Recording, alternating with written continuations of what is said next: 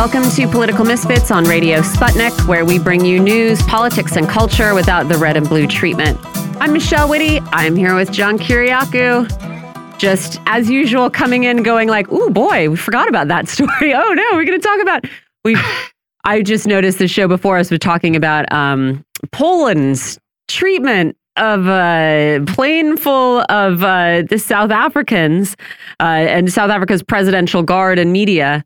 Uh, Poland saying we weren't being racist, but I'm not seeing. Uh, I'm not Right. seeing a lot of other explanations being offered. Unless, of course, I mean, of course, you know, there is this sort of generalization of or. Are are these Polish people being racist to the South African delegation, or does this have to do with uh, South Africa's sort of public criticism of the International Criminal Court and uh, their public criticism of the pressure put on them to, uh, if Vladimir Putin decides to attend this BRICS summit in August in South Africa, to arrest him, as were the, you know, Right. were these sort of political actions.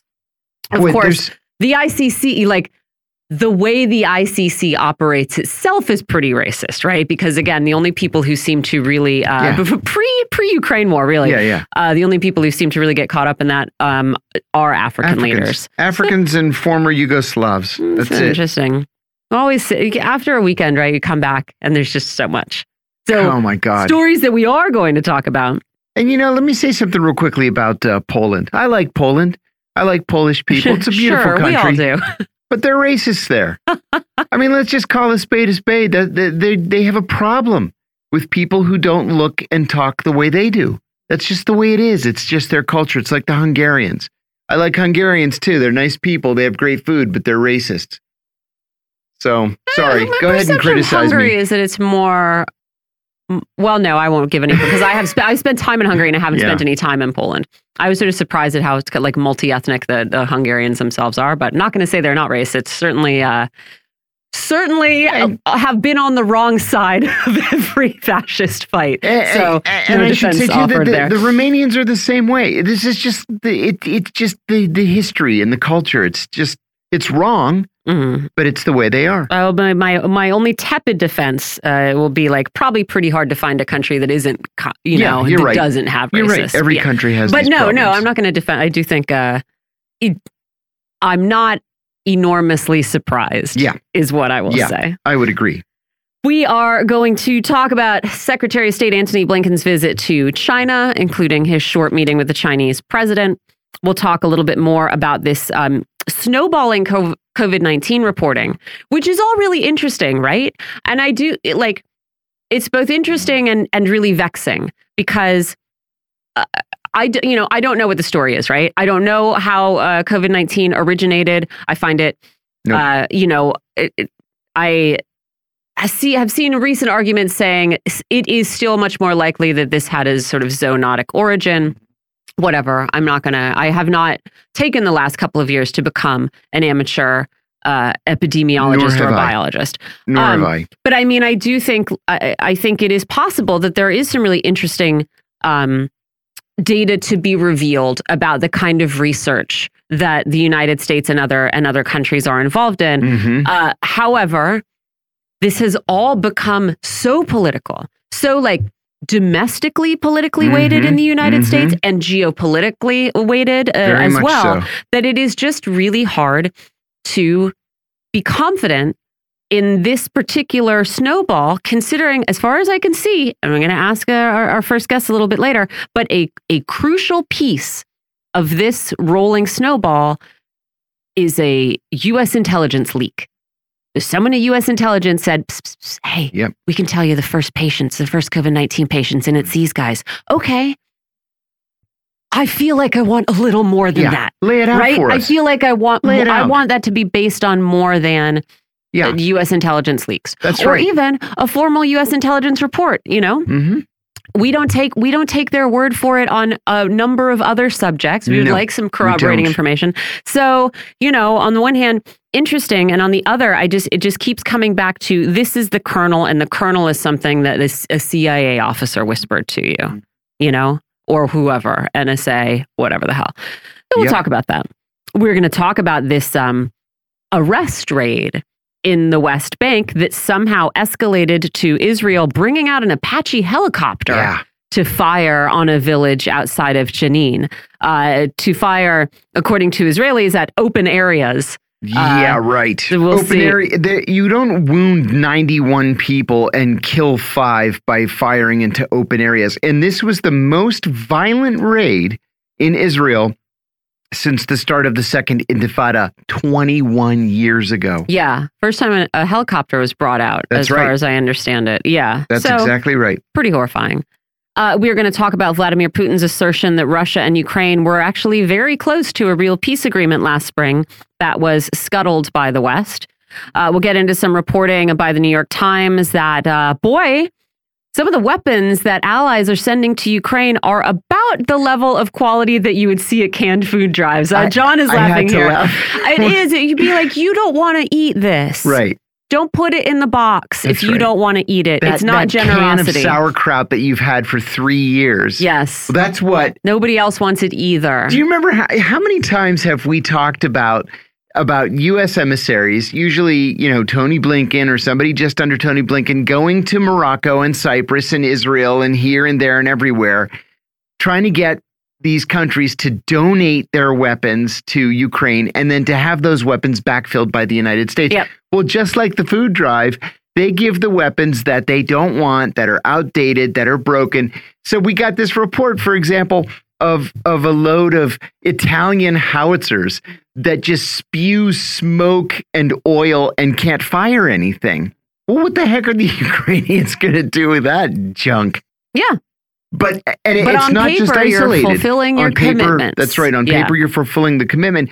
And then, as it turns out, this garbage that's been sent uh, by otherwise purportedly allied countries to Ukraine comes to eight hundred million dollars out of the forty billion that's that's already been uh, sent. Yeah. It's a chunk. And on the It's one hand, lot. it's sort of it's sort of uh, you know the venality of it is is Yes. funny. On the other hand, these are the weapons shipments that are prolonging this uh, gruesome land battle That's in which right. people are dying That's right. and land is There's being devastated and animals are dying. this. So yeah, it's it's yeah. It's uh, but it's sort of uh, grim and comic at the same time, and you have to try to remember, I guess, both sides of that. Yep. Uh, I also want to talk about. So I just happened to hear a friend of mine mention this. Uh, this uh, research into uh, testosterone replacement therapy that is getting a bunch of attention. And uh, it just said, yeah, but isn't it weird that it's funded by the makers of this testosterone therapy? Like, shouldn't that be an issue? And I was like, yeah, that is kind of an issue. I know we're going to have a public health conversation today. Let me just look into that. The story gets weirder and weirder. And I want to talk about it in more detail because I do think there is something about it that is really um, illustrative of our entire system as a whole. It's like a problem that isn't really a problem being solved, quote unquote, by a solution that isn't actually clinically proven that might be dangerous, except now we're supposed to accept that it's not dangerous because this research was funded by the people who make the drugs Yes. that treat or don't treat the non problem. That's and right. also, maybe, who knows, right? Maybe I'm going to hear that actually this is perfectly fine. Uh, on a sort of micro level, because these entities do this kind of research all the time. Uh-huh. But hey, maybe on They a do. larger level, isn't it an issue to have people who are a, a financial interest in this outcome be the ones primarily funding it? I don't know. I'm I have the same kind of worries that you do because there's a there's a, uh an inherent it seems to me there would be an inherent problem with the funders wanting to um wanting to affect the outcome of the research. Yeah. Uh you know, you see this I I know it's fiction but it's ripped from the headlines. Okay. You see this on uh, on Law and Order all the time. Mm. All the time Mm. because it happens in real life all the time. You know, pharmaceutical companies financing the pharmaceutical studies, oil companies financing the environmental studies, tobacco companies financing the studies on on uh, cancer caused by smoking. It's just uh, corrupt as a system. And so, listen, I would love to know uh, what a study says about declining levels of testosterone in men, right? My Yeah. hair's falling out just like every other 58 year old man. That's the. I think that's the point. Just like every other, it's not a. It's Uh-huh. not new. that, right. You it's not new. It is also But a I'd thing like that just truth. happens. Truth would be yes. nice. Yeah. Exactly. Uh, yeah. Oh, I mean, we're going to talk more about this, but the fact that 61% of the men in this study dropped out because the thing wasn't helping their symptoms. Wow. So, like, sort of buried Wow. the lead. Well, there's the like, study right there. We guess it's safe, There are but the it, findings. it doesn't work. Jeez, oh man. Or it does work, and we haven't demonstrated that it works yet. But it sort of goes in the like the sort of realm of um, a lot of psychiatric drugs, right? yes. Uh, it's it's just sort of like this gray area where I'm I'm happy for people to to take things that relieve their symptoms, right? Yes. Yeah, Whatever, that, that's fine. Great. But like, it just does seem like uh, it, there's a, a lot of new treatments for a lot of things that didn't used to be considered um, pathologies. Mhm. Right. Hey, speaking Yes. of things that happen all the time, we had a bunch of other stuff to talk to before we bring on our first guest, but I did have to. Uh, uh, we missed this story last week about uh, the DOJ announcing that it had uh, busted an international terrorist financier and ISIS supporter. And then it turned out to be this 18 year old that had only ever interacted with an FBI agent Since the age of 16. since the age of 16 who had solicited small cash donations from him in the form of gift cards and told him not to tell anybody else in their family Yep. about their online relationship. So they get this guy to send him what $10 in in gift cards Yeah. uh, periodically. And now we learn that he he was born this 18 year old who was just arrested was born prematurely. He had brain development issues. Uh, uh, his father is saying I had to do a neurosurgery evaluation on him, and they said his brain was underdeveloped. He was bullied at school with kids taking food off his plate, laughing at him, humiliating him. Thank, thank goodness we have the FBI to Yeah. now, as though this kid's life hasn't been difficult enough. Uh, to entrap him and then call him a, a major ISIS supporter. I, I say this all the time, and I'm going to repeat it. Um, the FBI FBI agents don't get promoted by not arresting you, right? They only get promoted by arresting you and making you a, making a case against you. And if that means entrapping you or falsifying the evidence, they're going to do it because it's the kind of people they are, it's the kind of organization that they have. Like, we see this all the time. We've seen it in Portland, in Seattle, in Cleveland with the Route 82 bridge so called conspirators. Mm-hmm. Um, again, with this kid now. This kid is this, this is kid sad. doesn't even know what he did. He yeah. doesn't even understand what he did. And he was a child when he was entrapped into doing it. He sent 750 oh sorry, uh, $705 to support ISIS in uh, uh, gift cards to uh, some Yeah, man he met online. I mean, that's just really sad. I feel like this kid probably needed something else. Poor kid. Yeah, he needs counseling, is what he needs, not arrest and incarceration. Yeah. Um. Gosh. I was just trying to decide. We've got only a couple minutes left. I might save a couple of these stories. Um, did you see that Axios uh, is trying? Axios is uh, trying to tell us why uh, Joe Biden's weird sayings aren't a result of Oh, his. yeah. They're not about his Yeah, yeah. age. Everybody because he's forget- always said crazy stuff like that. he's that. always said like, crazy stuff like that as far back as 2017. oh, way back then? he was still old axios for the love of god. They're they like highlight a couple of these uh, weird sayings and they're like no no no this is just just is just biden being biden. And i thought at least they would haul out some things that maybe he said in his, his you know career as a senator or whatever. Right. no he uh, it goes back as far as uh, 2017 and uh, and that's all over. Oh, this this story is like two paragraphs long. I mean why even why even run it? It's embarrassing. Also uh, did you see that um, apple the company is is trying to copyright the images of apples they're doing this in switzerland um, they're going after a fruit union suisse it looks like yeah come on nothing there's better to something spend their money on. there's something a little bit too on the nose Yeah. about Apple trying to this this company trying to Mm. trademark the this image of an apple and I agree. something I agree. about that. Just crazy.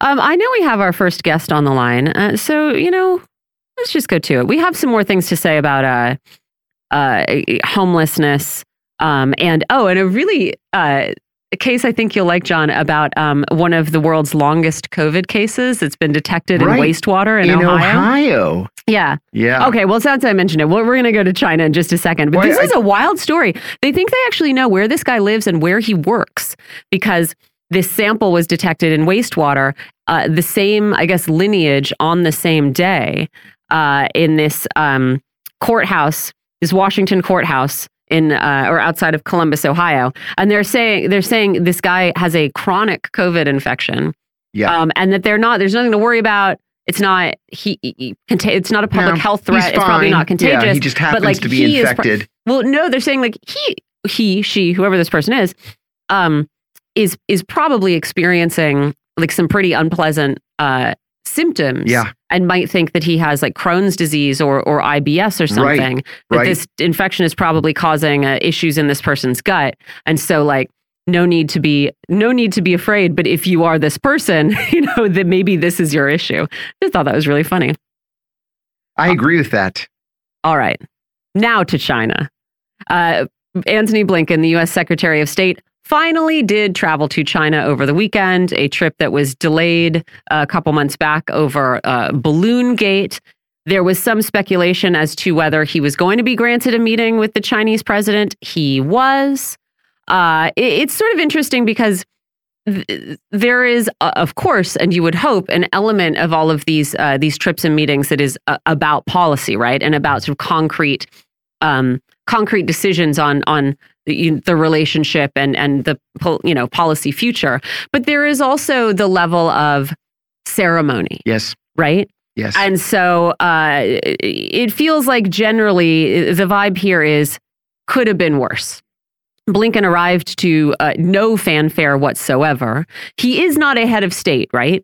So he wasn't necessarily going to get the full red carpet treatment, but he was greeted by some low ranking official and the U.S. ambassador. Uh, but uh, the the conversation and the conditions of these working meetings were warmer than than what we saw in Alaska. And let me add something to that too, Mm-hmm. and and I'd love to hear uh, our guests' comments on this. But I I follow the the mundane um, diplomat speak of these of these post meeting announcements. Mm-hmm. You know, they use, for example, with with some regularity, the word frank, frank and open, Mm-hmm. blah blah blah. Um, what what struck me about this was that the language that the American side used was identical to the language that the Chinese side used. which is being presented as a good sign. That was a good One sign. of these sort of like non-specific, non-concrete That's right. good signs. And when they say that the the talks were held, the, the talks were frank and were held in an, in an environment of mutual respect and blah blah blah. That's all positive language. Yeah. it's all positive. Yeah. and it's and the fact that Blinken did meet with Xi that's right. is, is another one that's of those also positive. could have been worse. So, you know, don't expect there to be a signing ceremony tomorrow for some some thing that we didn't know is being negotiated. That's not going to happen. Right. But just the fact that both sides came out of this without condemning each other Yes. and offering at least a little bit of hope that things are moving in the right direction. Yeah. I think was pretty dramatic. uh, yeah, I mean, not treating each other at this point, not treating each other with active hostility Exactly. is is something exactly. to be commended. That's a victory. Uh, in the United States, in the sort of uh, English language news, the, the bad news is that Blinken is coming away without uh, what we are told had been something that he really wanted to achieve, which is the reopening of military to military communication channels. Exactly, which So- is very very important. Yeah, so we're uh, we got to bring on our guest now, lest we just sort of start speculating without his expertise. We're joined by scholar, educator, and journalist focusing on the political economy and geopolitics of the Asia Pacific, KJ Noh. Thanks for being here, KJ. Pleasure to be with you. So let us let's start with the substance, and then we'll get back to the the ceremony that John and I were referring to. Um, China is unwilling for the moment to reopen these military, direct military to military communication channels, and I'm wondering if this is simply because of our sanctioning of their defense minister. Um, I think it's uh, absolutely correct. And, you know, just to go over the facts, the U.S. has put CAATSA sanctions on China, China's defense minister, for buying Russian S-300s. Now, India and Turkey have also bought these systems, but none of their ministers are sanctioned. So you can mm-hmm. see that there's clearly selective prosecution going on. Now, according to U.S. law, these sanctions preclude the U.S. from having any official contact with the person being sanctioned. That's U.S. law. It's not Chinese recalcitrance. So, in a sense, the Chinese are urging the U.S. to abide by its own laws. You know, if you want to talk, remove the sanctions. It's mm-hmm. a matter. It's just a matter of good faith. It's a matter of law. Now, Ely Ratner says the sanctions don't make any difference. He says they're not an impediment. They don't mean anything. But if that's the case, why don't they simply remove them? Yeah, now, if they don't make any difference, why exactly? Right. But you know, I think it's it. This is significant because when a military communication channel is closed, it's significant. It means that you don't have words to communicate with. And human beings have evolved, you know, over millennia to over over a very long time to use words. And so when you don't have the words, you only have actions to communicate with or actions to interpret. And military actions can always be misconstrued or interpreted as threatening. And so we're heading into classical security dilemma, uh, you know, uh, area. And, and so this is why this is this is bad news. Mm-hmm. Talk to us about some of the other uh, big issues here and whether we saw any noteworthy language on them. Uh, I'm thinking of Taiwan, Ukraine, the U.S. tech and trade war on China. Uh, I do not see that there were any policy changes, but I, I don't know if maybe there were either red lines or avenues for future conversation indicated in, in what we've seen coming out of these meetings. Well, the, the, the key uh, uh, statement was that we agreed to continue to talk, talk, right? We talked and we agreed to continue talking, which in itself is not a bad thing, although it really is the lowest of the lower, lowest hanging fruit. Uh, regarding the noteworthy language, as you know, as you and um, um, uh, as you pointed out already, you know, it's uh, essentially uh, that there was you know, the standards, the baseline was very low. It was a cold reception. But then Biden spent six hours with Qin Gang, three hours with uh, Wang Yi, and then possibly an hour with Xi. And each time he met, he was probably being screened uh, to see whether he would pass on to the next level. I mean, he didn't even know if he was going to talk with Xi until one hour before it happened. And so, you know, all of these things are, I think, positive signals. Uh, it signals that, you know, there was some uh, movement. It was not completely uh, hostile.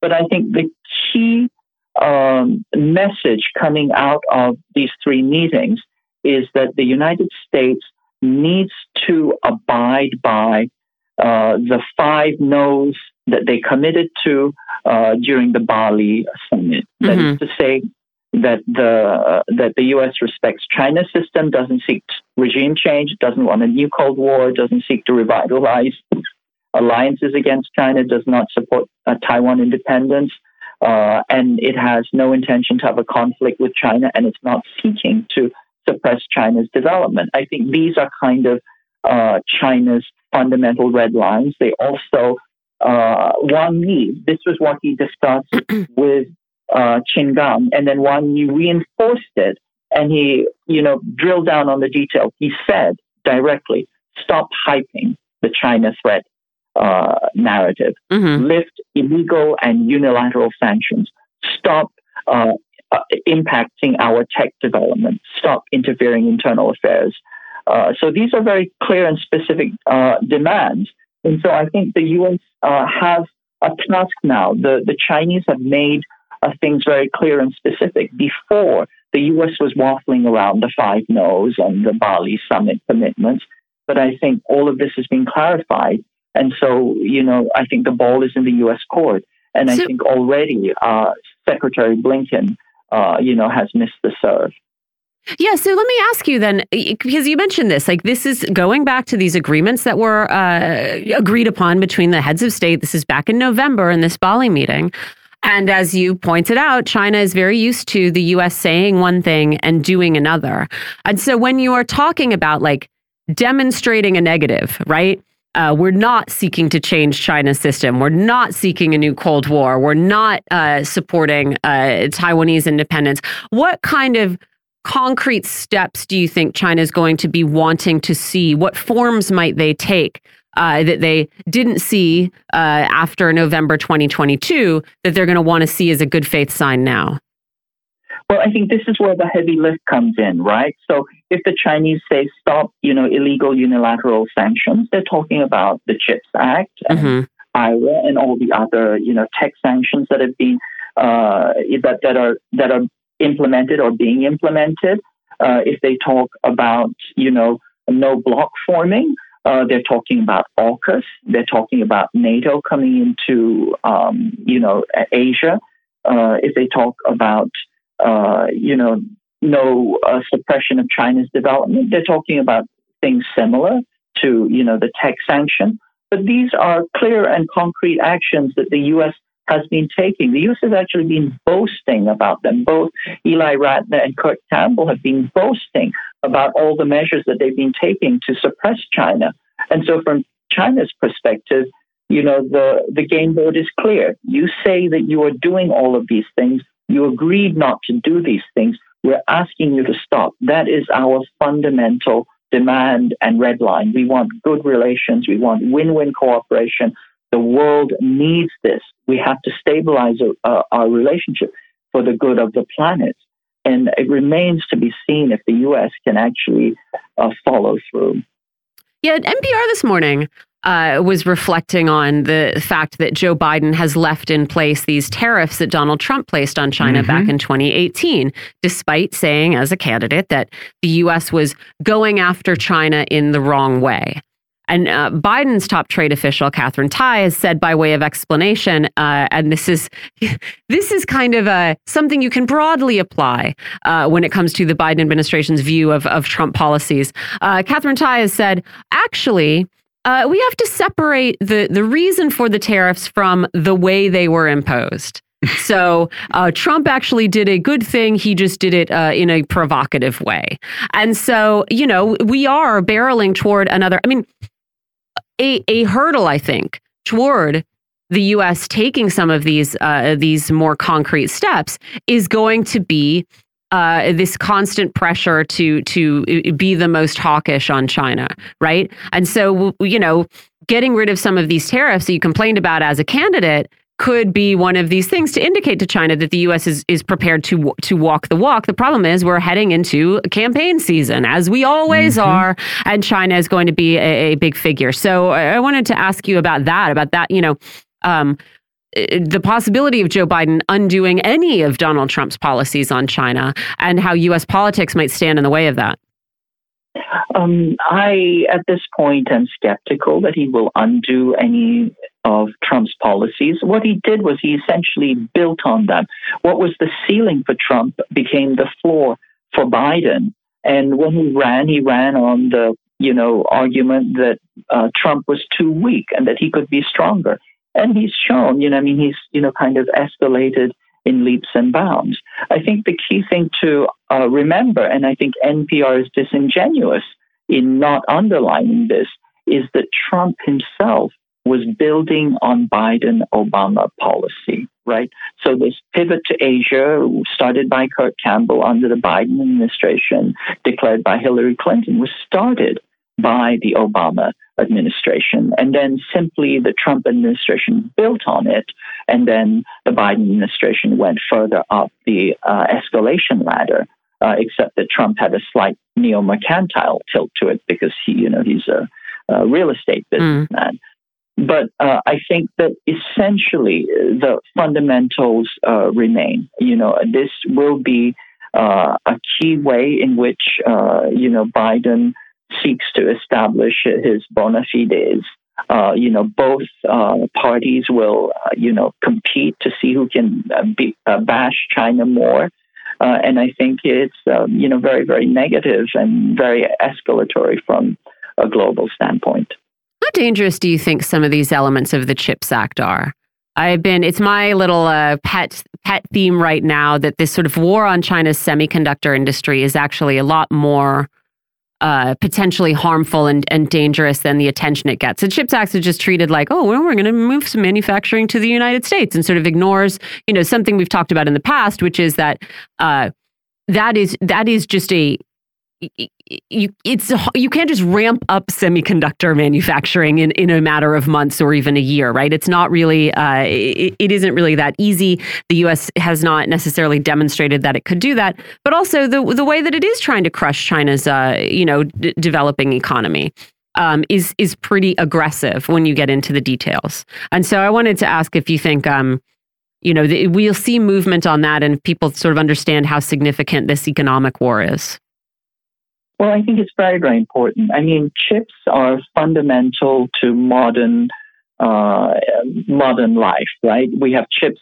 in everything. Uh, you know, it's like you know, th- this is the age of silicon, uh, and it's a foundational technology of the modern era. And by saying that they want to destroy China's uh, chip capacity to, you know, keep chips or advanced chips from being exported or being developed or being researched or being built in China, they're essentially signaling that they want to suppress China, that they cannot tolerate China's further development. Now, the real danger in the CHIPS Act is not that it will keep China from doing that, because China has overcome every single sanction that the West has uh, imposed on it. You know, all you have to do is look at Huawei or or even the space station, where Chinese were banned from the space station. They just built their own station. Now the U.S. is complaining that the writing inside the space station is in Chinese characters. Mm. If the Chinese will simply build out their own chip capacity, they will spend the 400 billion that they were spending on other chips and simply use it to develop their own indigenous capacity. And uh, as a result of, you know, Korean, Japanese, uh, Taiwanese, American chip fabs will suffer and they'll invest less in, uh, you know, research and eventually they'll start to, you know, devolve. Uh, so um, I think that it's actually destructive to to the U.S. and over the short term, it will actually be very dangerous to the global supply chain. and so I think it's both a signal of hostility and it's also a signal of the U.S. deciding to shoot itself not only in the foot but also shoot its allies, that is to say, Korea and Japan, especially Samsung and SK Hynix. Let's talk about COVID.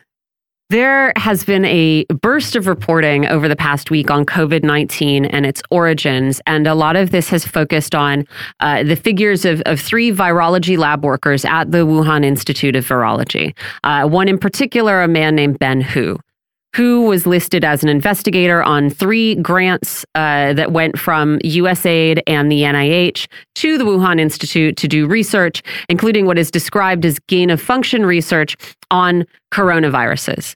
And this itself is something that the US and other countries do all the time, right? Labs of this level of biosafety around the world get international funding to do all kinds of stuff, including uh, things that I think a lot of um, regular people or people outside the medical and scientific fields uh, might be a bit shaken by and find a little bit scary. Um, Hu and these two other researchers have come into the spotlight now because they have been identified as patients zero in the COVID 19 outbreak. Uh, they have been identified as such by, and as far as I can tell, this remains the case, anonymous leaks from US intelligence which is where I get hung up on this story. John and I were talking about this yes. at the beginning of the show. I don't know where this virus came from. Uh, I know, KJ, that, that you believe it is still much more likely that this virus had a natural origin than was made in the lab. You know, I'm I'm agnostic, right? I just feel like so much of this new reporting, which is being presented as explosive, still rests on the word of U.S. intelligence sources. And even when they say, you know, they're like, "Oh, this there's going to be a report that's coming out soon," it's still going to be a report from the CIA or whatever, right? To use that as a blanket. And so you know, I, I wanted to get your thoughts on this new reporting. Again, like I don't, I, uh, you know, I, I don't have any problem with sort of the, the idea that there potentially could be, you know, that one, the US could be funding dangerous research, that other countries could be funding dangerous research, that lab accidents happen, or that, you know, people, uh, you know, zealous scientists do, do dangerous things. Uh, it's just all occurring in such a deeply politicized atmosphere that I really, I feel like people are kind of running away with this a little bit. Yes, I think you're absolutely right. People are running away with it on very, very little information. It's at the current moment, it's all innuendo. And I think you raised a good point. Um, the U.S. is funding this research. I mean, people just have to step back and think common sensically for a moment. Do you really think that the United States would be funding deadly, lethal bioweapons or biowarfare capable or even dual purpose research in China with Chinese scholars when uh, currently, you know, Chinese scholars studying cancer or meteorology in the United States are being uh, kicked out or prosecuted. So there's a fundamental uh, you know, disconnect that people are not making uh, here. But you know, let's get back to this notion of you know the index case. I mean, generally in epidemiology, if you locate the index patient, you've isolated where the outbreak started, and from there you can deduce what the real cause of the outbreak uh, was. But the fact that they have said that you know these people were uh, you know infected with SARS-CoV-1 and they are actually the index cases. First, that's wrong because we know, and we know beyond a shadow of a doubt, and there are 12 peer reviewed studies that show that COVID was circulating in Western Europe months before it was discovered in China. That is immutable, very, very strong evidence. Okay. And it's been published in the journals. It hasn't been leaked, uh, you know, through uh, anonymous sources. Uh, the second piece of it is that when they say that these were the earliest people to get infected with SARS, um, uh, they, they didn't say they were infected with SARS. They said they had developed COVID like symptoms, symptoms consistent with COVID. Now, this is silliness, right? Because what are the symptoms consistent with COVID? What are the symptoms? Who even knows today, right? Fatigue, muscle aches, headache, sore throat, congestion, runny nose, diarrhea, vomiting, what does that sound like, right? I yeah. mean, it sounds like cold, it sounds like flu. If the loss of breath, that could be pneumonia. It doesn't prove anything. So, unless they hacked these people's medical records and obtained copies of their PCR antibody test, they have nothing to go on. Essentially, they're saying nothing. Uh, and the other point that nobody seems to think about is if these three researchers at the lab got COVID, the entire lab should have gotten infected. We know that. We, we know the infectivity rate of COVID means that hundreds of people at the lab should have gotten infected. So this is once again a kind of uh, utter, utter stupidity, but it's being uh, recycled uh, in the, you know, in the propaganda press uh, as yet another example of China's, you know, uh, uh, you know, culpability. KJ, for, I know your response is going to be, but there is also the cohort of people who say this wasn't the US funded research. This was actually a secret and totally separate research being undertaken by the Chinese military just at the same lab. And so they're the baddies, but we're not, and it wasn't this US funded research either. Well, why would the Chinese have opened their lab up to Western research if they were if they were funding of secret military research inside it. I mean, is there some like secret underground chamber in which they're doing that? That research lab was built by the French. There were Western researchers working there all the time at it. Nobody has been inside of Fort Detrick. The Chinese have never been inside of Fort Detrick, but the Chinese routinely worked with Western researchers. They were part of the team and they opened it up to non experts. Even diplomats came and visited. So once again, this is absurd. This is they're trying to add yet another layer of absurdity upon a claim which is already absurd. Yeah, it is. It is a. I mean, it, the the impact of of COVID uh, globally was so profound and you can say that even listen, even someone who thinks one that it was it, it didn't exist or something. The even if you want to go down that path, the social impacts were so profound because of the actions that governments took that like it I guess it would be useful to know where this actually came from, right? And yet it has been so deeply deeply poisoned that I just don't there's just no sort of entity that I necessarily trust. And it really is surprising to see some, you know, uh, some reporters whose work I find really valuable, uh, you know, building up big cases again on what is the word of U.S. intelligence. Right. I mean, isn't that astounding that people who are usually skeptical of U.S. intelligence now take U.S. Uh, you know intelligence leak as mm-hmm. you know, gospel. I mean, that's, uh, you know, that's kind of absurd. But you're absolutely right. This was politicized right from the beginning. The moment COVID broke out, uh, this was, uh, you know, declared as you know, kind of a foundational delegitimating event for China, that it was like China's Chernobyl, yeah. uh, and that it would only affect the Chinese, you know, because they were so secrecy and you know uh, you know mendacious, secretive and mendacious. But then you know viruses are not political, and then it uh, you know spread everywhere. And then you know the allegation was that you know it was bioengineered. It was a Chinese bioweapon, and of course we know that's wrong because uh, there's no capacity. Nobody has shown how it could have been bioengineered. They say you know it has a you know, a certain site that is doesn't occur in nature. These are people who don't know anything about coronaviruses. No, they occur all the time. That sequence occurs all the time. Then they say it was serially passage so that it was naturally engineered so you couldn't tell. But then you would need uh, a research project taking 30 to 50 years, a Manhattan Project level, uh, you know, effort in order to generate it from the closest existing uh, virus, RATG13. That is, you have to have a backbone from which to start from.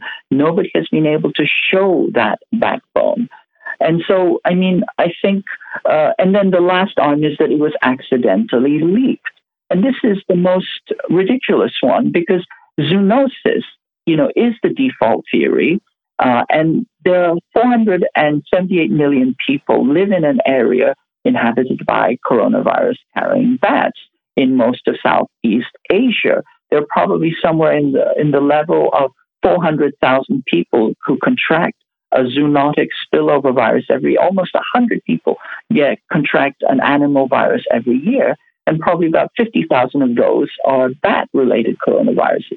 So if you want to argue that there was a single catastrophic event uh, that infected experts who know how to work with the virus, uh, and that was the cause, as opposed to the hundreds of thousands, the tens of thousands who routinely contracted, who have no expertise and no knowledge whatsoever, and that this was the cause. It's like saying you see a rat in the street and that rat escaped from a university research lab. It's possible. Technically, statistically, it's possible. But from the standpoint of common sense, it's just uh, you know, it's it's a black swan event. Possible, and there is a great cartoon about it that you can watch if you want to. KJ Noh, thank you as always for joining us. That was a journalist, uh, educator, and uh, Asia Pacific expert, KJ Noh. Thanks a lot. Thank you. Always a pleasure. We're going to go talk more about uh, public health. Uh, because this is something that just crossed my path today. A friend of mine commented on this uh, this uh, new research into testosterone replacement, and uh, to me, and maybe I'm going to be told that I'm a little bit overheated here, but the entire process of this research to me demonstrates something that I think is uh, a little dodgy in our in our public health system. So we're going to talk about this and then talk more generally about uh, what we how we can sort of depoliticize uh, public health, if we even can at this point. We're joined by Dr. Monica Gandhi. She's a physician. She's a professor of medicine at the University of California at San Francisco. She specializes in infectious diseases and global medicine, and she's the director of the UCSF Gladstone Center for AIDS Research. Thanks for joining us, Dr. Gandhi. Oh, thank you. Indulge me in this testosterone replacement therapy study because uh, over the weekend, um, we got the results of a study on testosterone replacement therapy. And on first glance, they seem to present good news for men who want to try this therapy. Uh, the results of this uh, study show that testosterone replacement therapy doesn't seem to increase the risk of serious heart problems, uh, with the sort of caveat that they only studied this particular gel, etc. So, great. The backstory here is fascinating to me. So apparently, um, prescriptions for testosterone replacement therapy in the United States have uh, shot up in the last two decades. They almost doubled between 2010 and 2013 alone. I have to say also, every report I read on this uh, only talked about cisgender men with low testosterone. So I have no idea. I don't know what testosterone therapy for uh, trans men is, if if they're reflected in the sort of increase in prescriptions or not. This is all all of this reporting uh, seemed to completely focus on on cisgender men who have or or don't have low testosterone. Yeah. Um, uh huh. But so uh, these these low T centers have proliferated around the country, and the FDA decided to look into them because testosterone can stimulate uh, red blood cell production, which can lead to blood clots, which can lead to heart attacks or or strokes. So the FDA ordered right. the manufacturers of the people who are making the, the uh, the manufacturers of these testosterone products to conduct clinical trials on the risk. And you know what what do you know this drug maker funded research found that their products were safe, which is the thing that sort of set a friend of mine off saying, Are we sure? Are we sure that this is how we should be doing this kind of thing? But the other thing about this story that fascinates me is that one of the authors of this study show uh, uh said you know just sort of commented uh, deep deep in this this news report on it that actually um, a lot of the symptoms that lead men to seek this treatment have never been demonstrated in a randomized clinical trial to actually be helped by this therapy.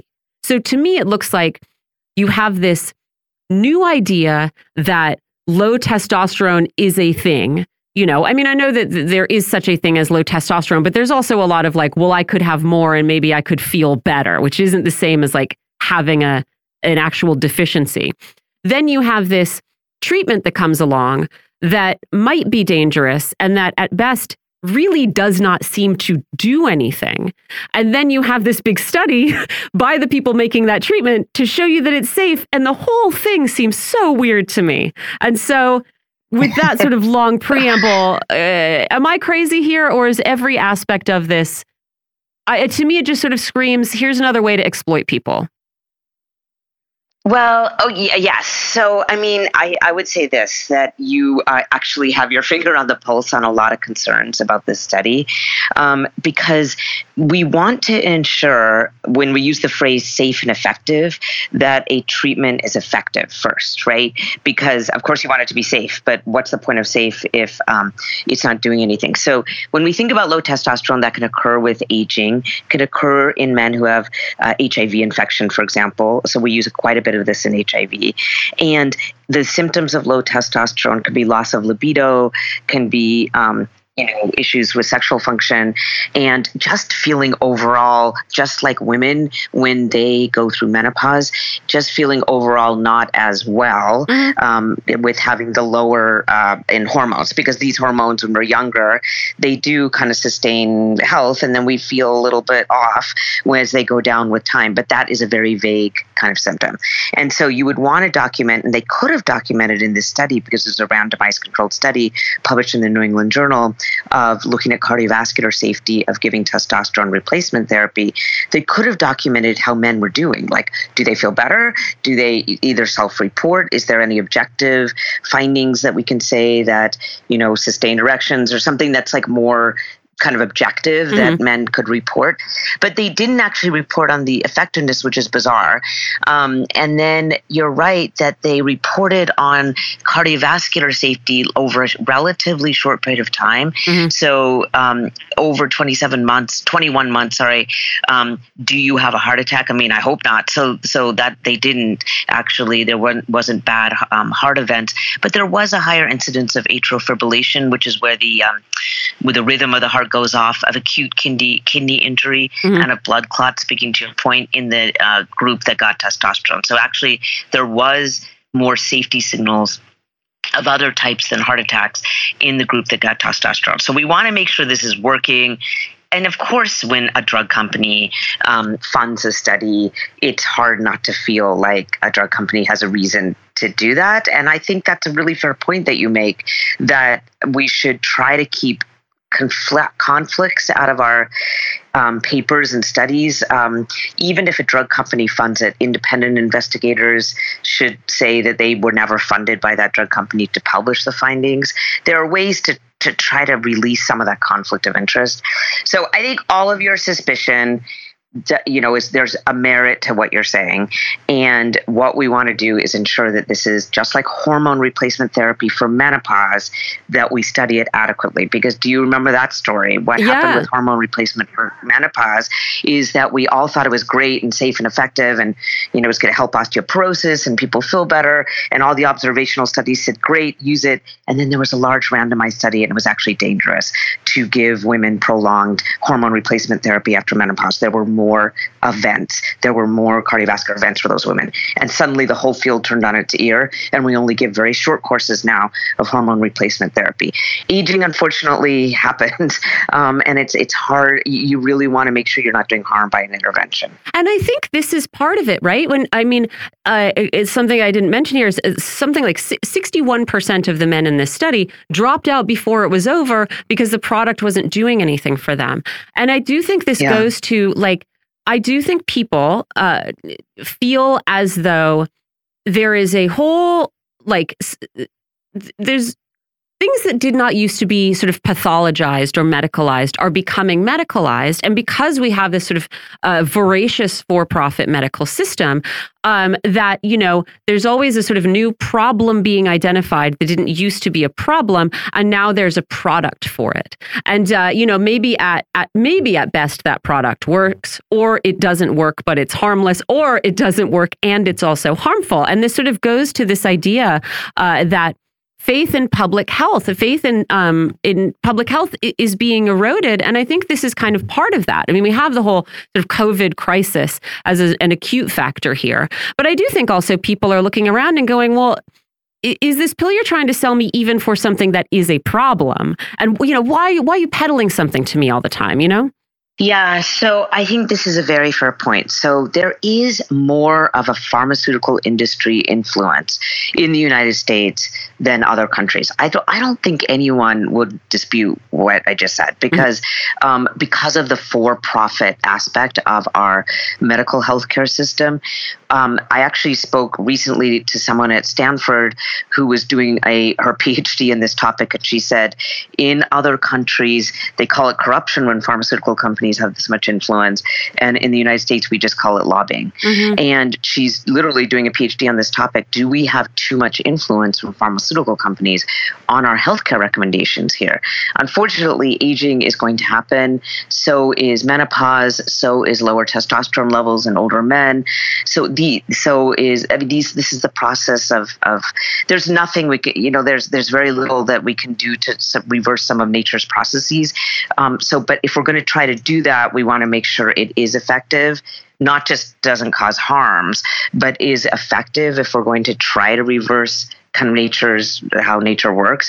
And so you're right. Like for a good example, I think would be um, what you about what you just said is that there's been um, a, uh, there's been more overweight um, children over the last three years in the U.S. because there was the school closures in the pandemic, and we don't want to over medicalize that either. Like right now, we can do nutrition and exercise, but there's kind of a rush to, for example, gastric bypass surgeries in adolescents and children. Yeah, this was a recent report. Um, and That's that that crazy. can have yeah, it can have long term. You know, you need nutrition, and we don't know. Right. So we, I mean I'm are part of the medical system, but we sometimes over medicalize. Yes.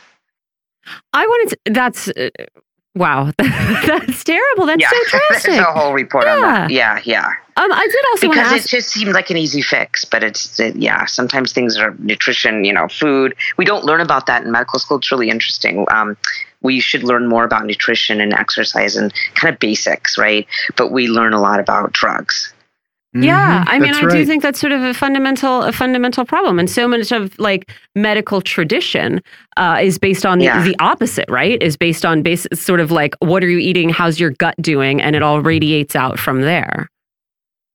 Yeah, I mean, allopathic medicine and the Western medicine model is very focused on biomedical advances. And biomedical advances are great, obviously, like vaccines, therapeutics for COVID. But what we by ignoring um, sort of normal path- physiology and things that we can do to like get better, like mental health, exercise, nutrition, those are like basics that other country medical schools or more um, non allopathic traditions emphasize, like um, more traditional medicine pathways. It, it is important. Like, it, we need a more holistic view of medicine because we're always just looking for the next drug or next quick fix. I also wanted to ask while we have you, uh, you know, since we've been talking about men, John and I mentioned on the show uh, this. Um, new report on the discrepancy between uh, overdose deaths among women and men. That mm-hmm. men, I mm-hmm. think, are two two to three times more likely to die of uh, either opioid or um, like amphetamine overdoses, and uh, that it really isn't. You know, when you control even for the use of those drugs, the overdoses don't. Um, still don't make sense. And so I wanted to ask, you know, this is another one of those things that um, you know, it, it feels like there are uh, intangibles at play that are having really tangible effects, and maybe it is actually worth trying to get a hold of these. Like, if if uh, if this is a sort of death of despair situation, uh, well, it's not as though despair yeah. is like inevitable. Uh, and so, yeah, I wanted to ask what you made of that study and and where you think it should point people. Yeah, that was a very um, sad study, uh, neuropsychopharmacology, showing us that, right, that you just said men twice the rate of overdoses, actually not just from fentanyl, which where we have about 110,000 deaths a year at this point in this country, but also methamphetamines and cocaine, either from lacing with fentanyl or the direct effects of those drugs. And this increase in men is not some biological difference. It likely is driven by men less likely to seek care for addiction um, they are more likely to treat despair with substances. And um, the other major effect that the authors teased out was actually incarceration rates in men being higher and the the incredible link between incarceration and drug use. So there are things that we can do to help that. For example, there are treatments for meth- um, for for actually opiate use disorders, and there is therapy, and there is rehab, and there is things that we can do. And if women are seeking that more than men, hopefully we can help men, you know, want to access these therapies and and see and help try to reach men who um, have are struggling with addiction. Maybe we going out to them as opposed to them um, seeking help from us. That's that's our job in the medical system to try to find people who need help. And then incarceration, um, you know, uh, those rates of incarceration were actually higher in Black men, and that was the group that was most affected. And and we all know that rates of incarceration are, are kind of wildly um, inequitable. So there are things that we can do.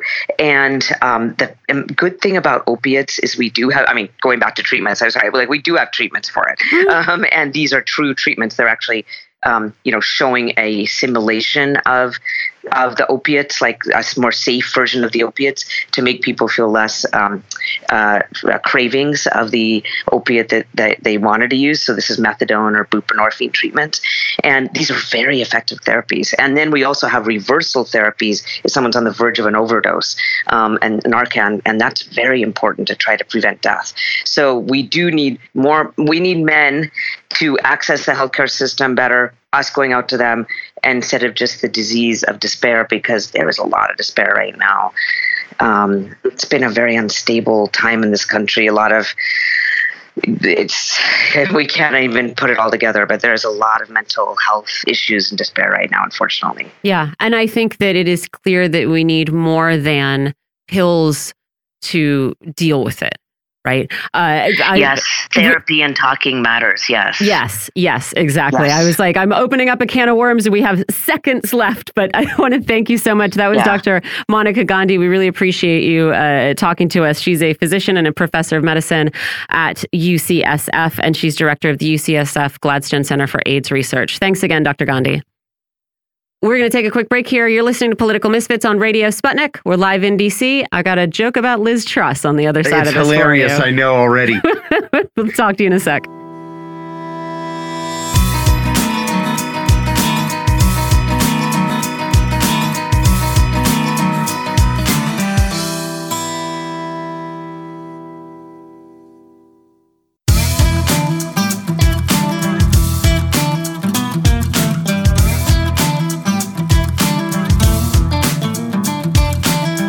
Welcome back to Political Misfits on Radio Sputnik, where we bring you news, politics, and culture without the red and blue treatment.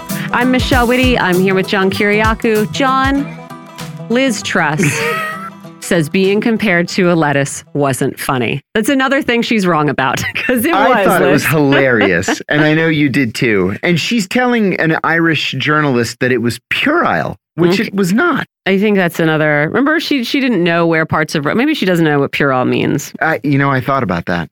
Maybe Yeah. she just doesn't know. Yeah, yeah. poor Liz. Oh, Well, Yeah, what are you going to do, Liz? Well, let's talk about Ukraine. The conflict in Ukraine continues as a slog on the ground, even as new details about missed opportunities, or more precisely, efforts to promote conflict, are being revealed. President Putin revealed over the weekend during a press conference with South African President Cyril Ramaphosa that Russia and Ukraine had actually signed a peace agreement in 2022 but that then British Prime Minister Boris Johnson was dispatched, apparently by NATO leaders, which means Joe Biden, to Kiev to force Ukrainian President Zelensky to then renege on the deal. I, I find that fascinating. The Washington Post reports today something that we all knew that Ukraine has an official corruption problem of epic proportions. The Chief Justice of the country's Supreme Court has been arrested and charged in a $2.7 million bribery scheme. Chief Justice, and his name is going to do me in. Vsevolod Kazniev. Bravo. Oh, sorry, Molodets, John. sorry. was caught red-handed with $450,000 in cash in his house. The money has been tied to a Ukrainian billionaire in Western Europe. Subsequent raids on the Chief Justice's houses, there are multiple houses, found another 1.5 million in cash. Kaziev, Kin- Knyaziev, that's what I'm going to call him that. Knyaziev, okay, says only that he was holding the money for an unnamed friend while the friend was outside Ukraine. You know what this sounds like to me? It sounds like a an environment in which a go-getter like Hunter Biden can really flourish. You know what it sounds like to me? Like my buddy Steve, who got caught with weed by his dad, 12th grade, and somehow convinced his dad that it wasn't his weed in his pocket. He was holding it for a friend that he didn't want to name.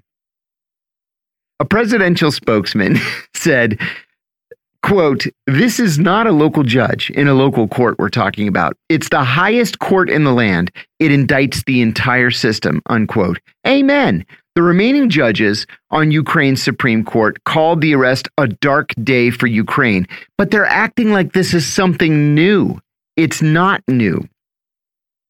The FBI is alleging that Russia has or had a program whereby the country's intelligence services would assassinate Russian dissidents in the United States. The New York Times reports today that a Russian plot to assassinate a defector in Florida in 2020 is what led to the expulsion of the Russian SVR station chief in Washington and the tit for tat expulsion of the CIA station chief in Moscow. The Russian government announced over the weekend that it expects to have a new trade agreement in place with Iran by the end of the year.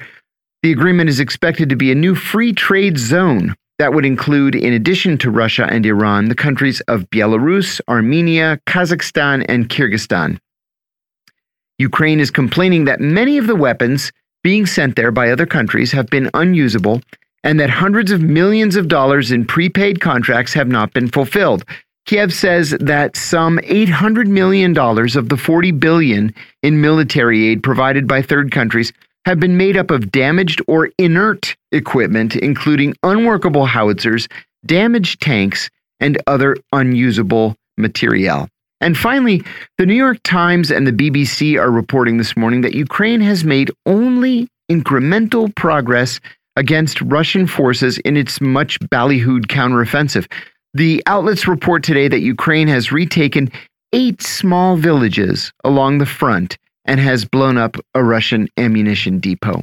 We're going to ask Mark Sloboda about that. Mark is an international affairs and security analyst. Welcome back to the show, Mark. We're glad to have you with us.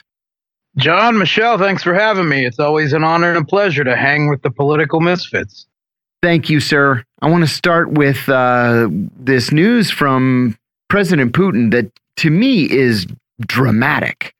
So today, for the very first time, we're learning about a 2022 deal between Russia and Ukraine that would have led to peace. President Putin said over the weekend that NATO killed the deal by dispatching Boris Johnson to Kiev to wrap Zelensky's knuckles. What can you tell us about this deal? What were the provisions of it? Do we know any details? Okay, so first of all, if that blows your mind, I've got another one to tell you. The uh, U.S. backed Kiev Putsch regime in Ukraine also signed a peace deal in 2014 and 2015. They were called the Minsk Accords. Mm-hmm. Then they wiped their butts with them. Right, right, so, right, right. Okay, so uh, this deal, um, and uh, to be fair, uh, the U.S. Uh, government and the New York Times, citing U.S. officials, uh, at the time mentioned there was a tentative peace deal. I, I right? found um, reporting about it uh, over the course of yeah. like two days in 2022. Yeah, uh, they they I think actually correctly referred to it somewhat dismissively because I I do not believe that it was ever serious right? Uh-huh. I don't uh-huh. believe that this was ever a possibility that this document was ever going to be agreed to by the parties involved. Uh, so it was tentatively called a treaty on the permanent neutrality and security guarantees for Ukraine. Um, and I would point out that actually, before the U.S. backed putsch in 2014, neutrality was part of Ukraine's constitution. They they could not ally with NATO. They could not ally with the Collective Security Treaty Organization until the government was overthrown in an openly U.S.-backed putsch. They were neutral. The problem has been the situation uh, since the government was overthrown and uh, the attempt to bring it into NATO or make it a de facto NATO battle platform at the very least. Um, so I mean, the details of this document, uh, you're right. So it would have to Ukraine would have to restore the neutrality clause in their constitution. Um, that um, the Russia, the U.S., Britain, China, and France are listed would be listed as guarantors. Mm.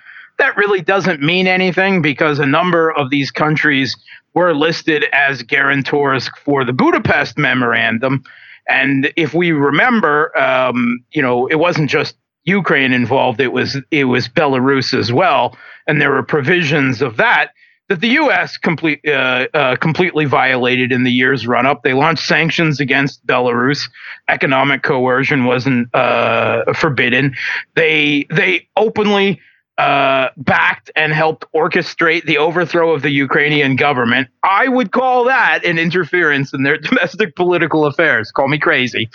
Um, with with uh, the U.S. ambassador and the Undersecretary for Eurasian, uh, Secretary of State for Eurasian Affairs, Victoria Nuland, uh, deciding uh, who the new Ukrainian Prime Minister would be, and then of course Russia violated whatever tatters were left of the quote unquote Budapest Memorandum by intervening in the Ukrainian civil conflict. So there is, you know, uh, uh, all of this uh, history behind the idea of of security documents with guarantors. Um, it would have also limited the size of the Kiev regime's military, um, which um, is one of the main was one of the main Russian military goals, demilitarization. I'm not quite so sure that this would have satisfied everyone in Russia, uh, but uh, it, it, it, it could have been presented as a demilitarization. Evidently, the exact numbers were never compromised on before it was thrown away. And it's presented that a trip by Boris Johnson um, uh, promising, uh, you know, unlimited NATO aid uh, in conflict uh, with Russia. Um, it was some kind of, oh, it made the Kiev regime turn away from this deal. I don't believe that for a second. Uh, considering the people that have been involved in this regime, uh, the people, the the history of this regime with the Minsk Accords, I think this was another uh, episode of their attempting to buy for time.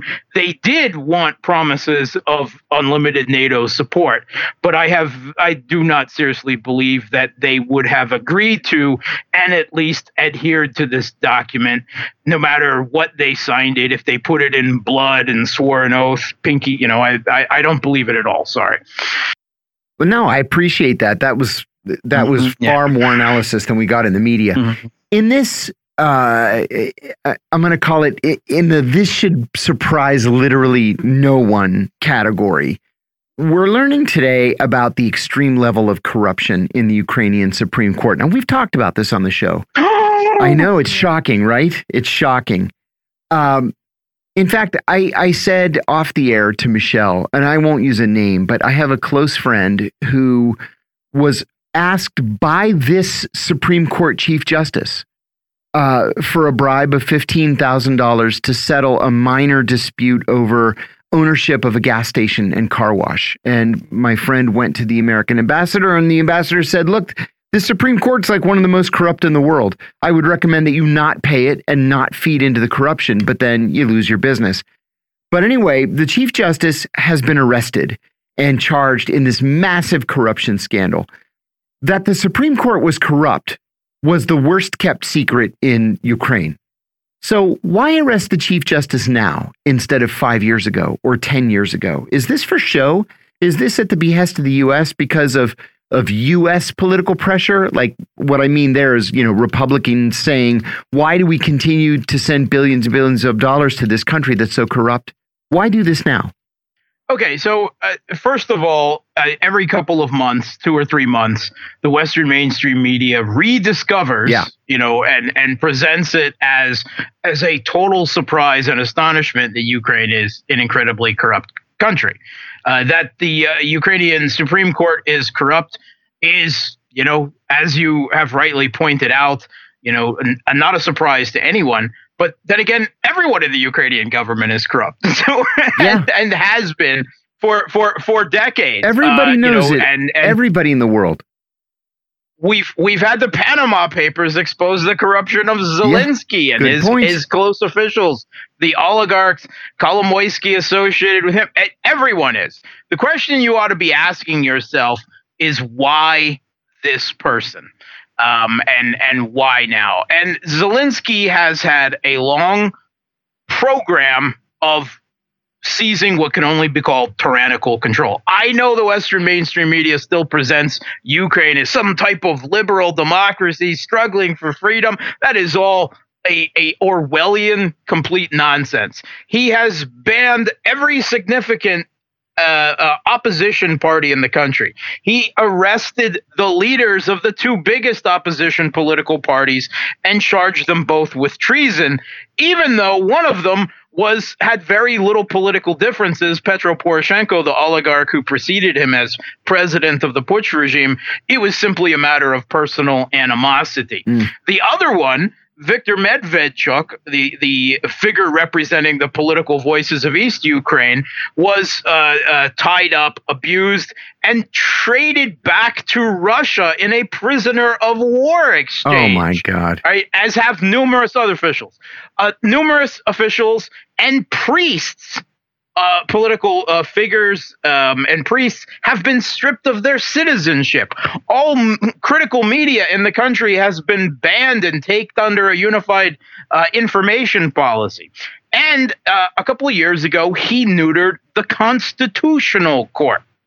Um, and I'm quoting here from the Ukrainian Research Institute of Harvard University in an article, uh, Ukraine's Constitutional Court Crisis Explained, because two years ago it was all about the crisis in the Constitutional Court. And here, some have noted the outsized influence of pro Russian parties and especially oligarch Viktor Medvedchuk's political sphere on the court. Ah, there we go. There were people on the court sympathetic to the political forces that he was neutering in the country as he was seizing absolute power in the country. And I have a terrible suspicion that I have no doubt that the, Supreme Court justice was corrupt, as is everyone else in Zelensky's administration.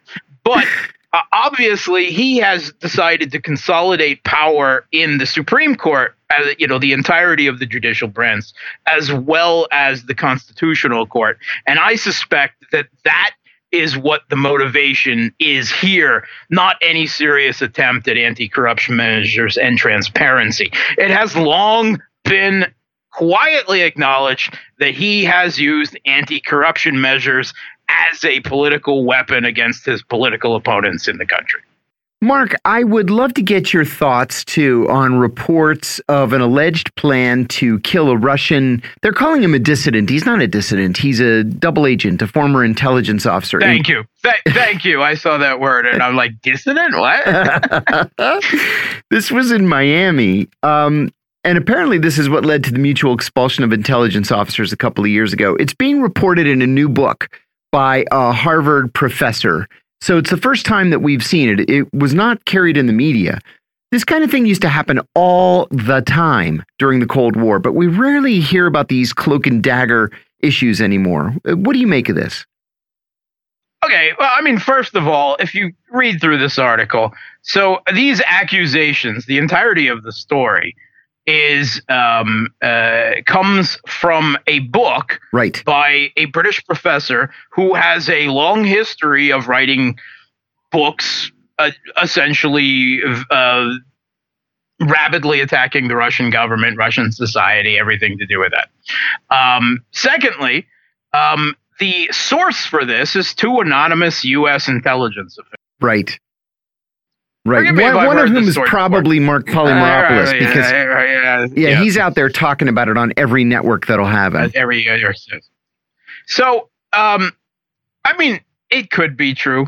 It could not be true.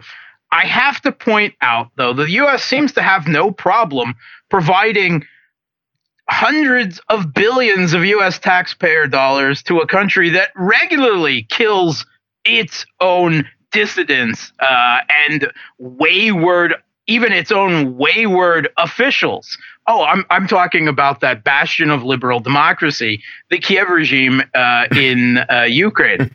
Um, and um, here from uh, Seven News uh, um, Australia, Ukrainian official Denis Kireev uh, one of the principal negotiators in these peace documents, right, that, that Putin has presented as if they had a chance of ever being succeeded, found dead after being accused of committing treason and working for Russia.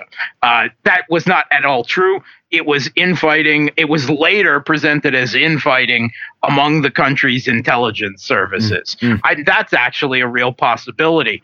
Uh, we also have the ex Ukraine Security Service, the SBU deputy head, shot dead by police in Kiev. Just rolled up along his car and gunned him up both sides, right? Uh, the Denis Kireev was also killed, just executed in broad daylight, walking into a courtroom. Uh, so this type of of of uh, and the Kiev regime is regularly talking about arresting and disappearing and summary executions of dissidents and defectors and collaborators right. by the score, by arresting them by the thousands at this point, right? Um, the uh, head of the Ukrainian military intelligence, Budanov, or or Budanov bot, um, you know, as he may not actually be alive anymore, um, he um, talked about the need to either forcibly re-educate or to uh, uh, exterminate 3 million Crimeans if the regime ever got their hands on it again, because those people were a lost cause. Uh, so, I mean, that, that seems like a whole lot of dissidents to do away with, with, with for me there. So, I'm. there might be some legs to this story. It could be largely a fabrication of U.S. intelligence. I think the more important question is why is it being made public and an issue media issue now? now exactly. When this reportedly happened years ago. Exactly That's right. Just part another another chink in the information war. The Russian deputy foreign minister said today that the country expects to uh, to finish negotiating this new trade pact uh, by the end of the year. That would include Russia, Iran, Armenia, Kazakhstan, and Kyrgyzstan. Tell me, how important is this? How what? How much trade could there be between these countries, and what would Russia get out of it? Uh, well, actually, Russia Iranian trade is fairly significant and is uh-huh. improving and has evidently drawn the ire of the United States. Um, both the economic and the military aspects of that trade. They regard it as a serious threat. I think also the president of simply sanctioned countries cooperating and trading with each other. Um, and I can't help but note that even back in 2000, as of 2019, the U.S. had sanctioned some uh, 38, 39 countries as of 2019, so several more since then, uh, with 8,000 measures. I'm sure it's many thousands more than that by now. Um, and that represented one third of humanity. So wow. let's say that the portion of humanity that is sanctioned by the US says, hey, uh, maybe we should open free trade zones and conduct economic activity amongst uh, ourselves. Yeah. And just go around the entire US system. This is the threat that this represents. Obviously, some of these Central Asian countries, although some of them are significant energy providers, they're just energy providers to China and, yes. and you know, not necessarily the West. Um, but this is part part of a emerging new patchwork framework of trading that exists outside of US blackmail and control. And I would say that that is the most important here. Um, Russia and Iran is also developing this north south corridor that will allow direct uh, trade with each other through the Caspian and river networks and actually connect, open up to the Indian Ocean. They're presenting it, uh, you know, with these uh, enlarged canals as a alternative to the Suez Canal. I'm not quite so sure it's quite that, but it is very significant for Russian Iranian and for Russian Indian trade. Are there any chances of major players like China or India signing on to something like this too? Are the are the Russians even discussing this with other countries? Yeah, I, like I said, there there is emerging kind of overlapping blocks, right? right? We see the the Belt and Road Initiative. We right. see the Eurasian Union. This is actually between the Eurasian Union and Iran. We see trade provisions opening between China and Iran. We see all the measures of the Shanghai Cooperation Organization to lower trade barriers. All of these are overlapping efforts that slowly, slowly roll into each other as the geopolitical imperative pushes them closer and closer together for economic reasons, for political reasons, and for uh, uh, geopolitical reasons. Ukrainians are now complaining about the poor quality of weapons that they're receiving from third countries. And as an example, they've gone public about a shipment of howitzers from Italy that that spew smoke and spit oil and can't fire anything. This has happened with weapons from other countries too. The, at least the Ukrainians are telling us uh, that are either damaged, outdated, or just unusable. And the Ukrainians put the value of these weapons at about $800 million, which is just astounding to me. How big of a problem is this for Ukraine and for the country's military readiness? Or is this just the cost of fighting a war on short notice and then playing catch up? This is uh, the conundrum of the um, the hodgepodge of different weapon systems yep. from dozens of different countries and the resulting logistical nightmare that is being pledged and provided in varying degrees to the Kiev regime. Some of it is fairly good cutting edge equipment. Uh, or near to cutting edge at least. The HIMARS system, right?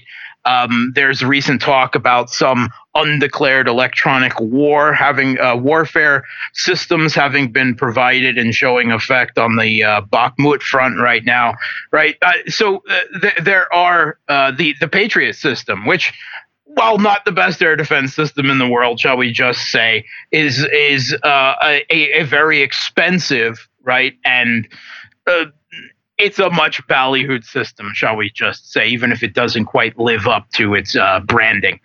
Um, but at the same time, there is a whole lot of absolute garbage equipment, antiquated equipment that it, it exists in uh, that has already been retired from service, and countries don't know what to do with.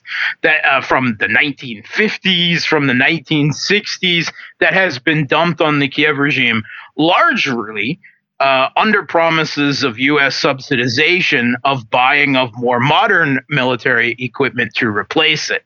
So, yeah, they've gotten a lot of garbage, a lot of antiquated garbage, a lot of actually broken equipment.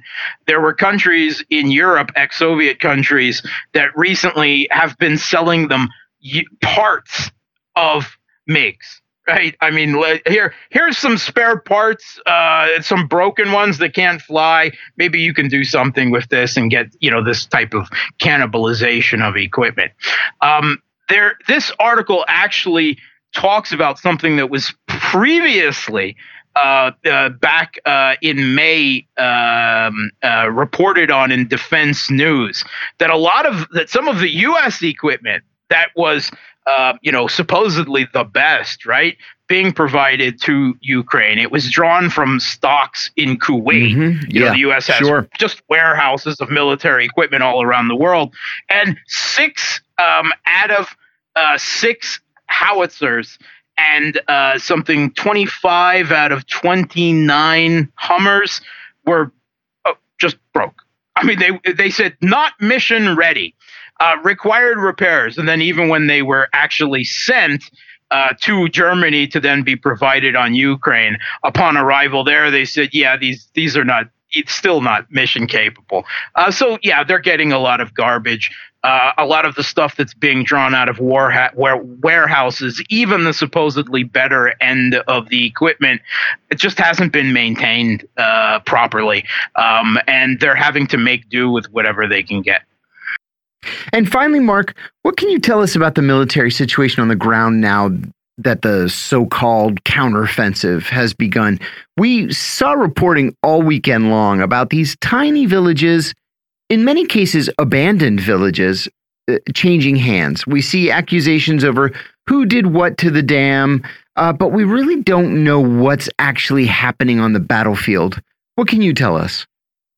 Okay, so first of all, there's fighting all over the contact line, but most, uh, you know, uh, all through, right? But what most people are talking about is the new vector in the south, in Zaporozhye and southern Donetsk along the Vremivsky salient.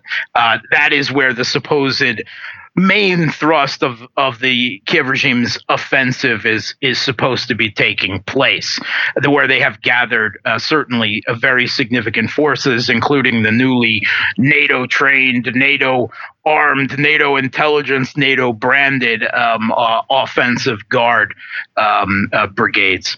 Um, all of the fighting that has happened in the last two weeks has been in the the if you want to call it the the security zone, the gray zone, the throwaway zone. That was largely Russian held territory. But long ago, when they were starting their defensive works, they decided that it wasn't, it was lowland area with a few farm hamlets. Villages is really grandiose word, right? Um, and that um, it, it, wasn't really capable uh, for positions for serious echelon static defense. So all of the fighting so far has taken still 10 to 15 kilometers in front of the first of five heavily echeloned and fortified Russian defensive lines. This is the throwaway territory. Russia, kind of surprising the Kiev regime, uh, has been defending this throwaway territory with uh, what is called a screening defense.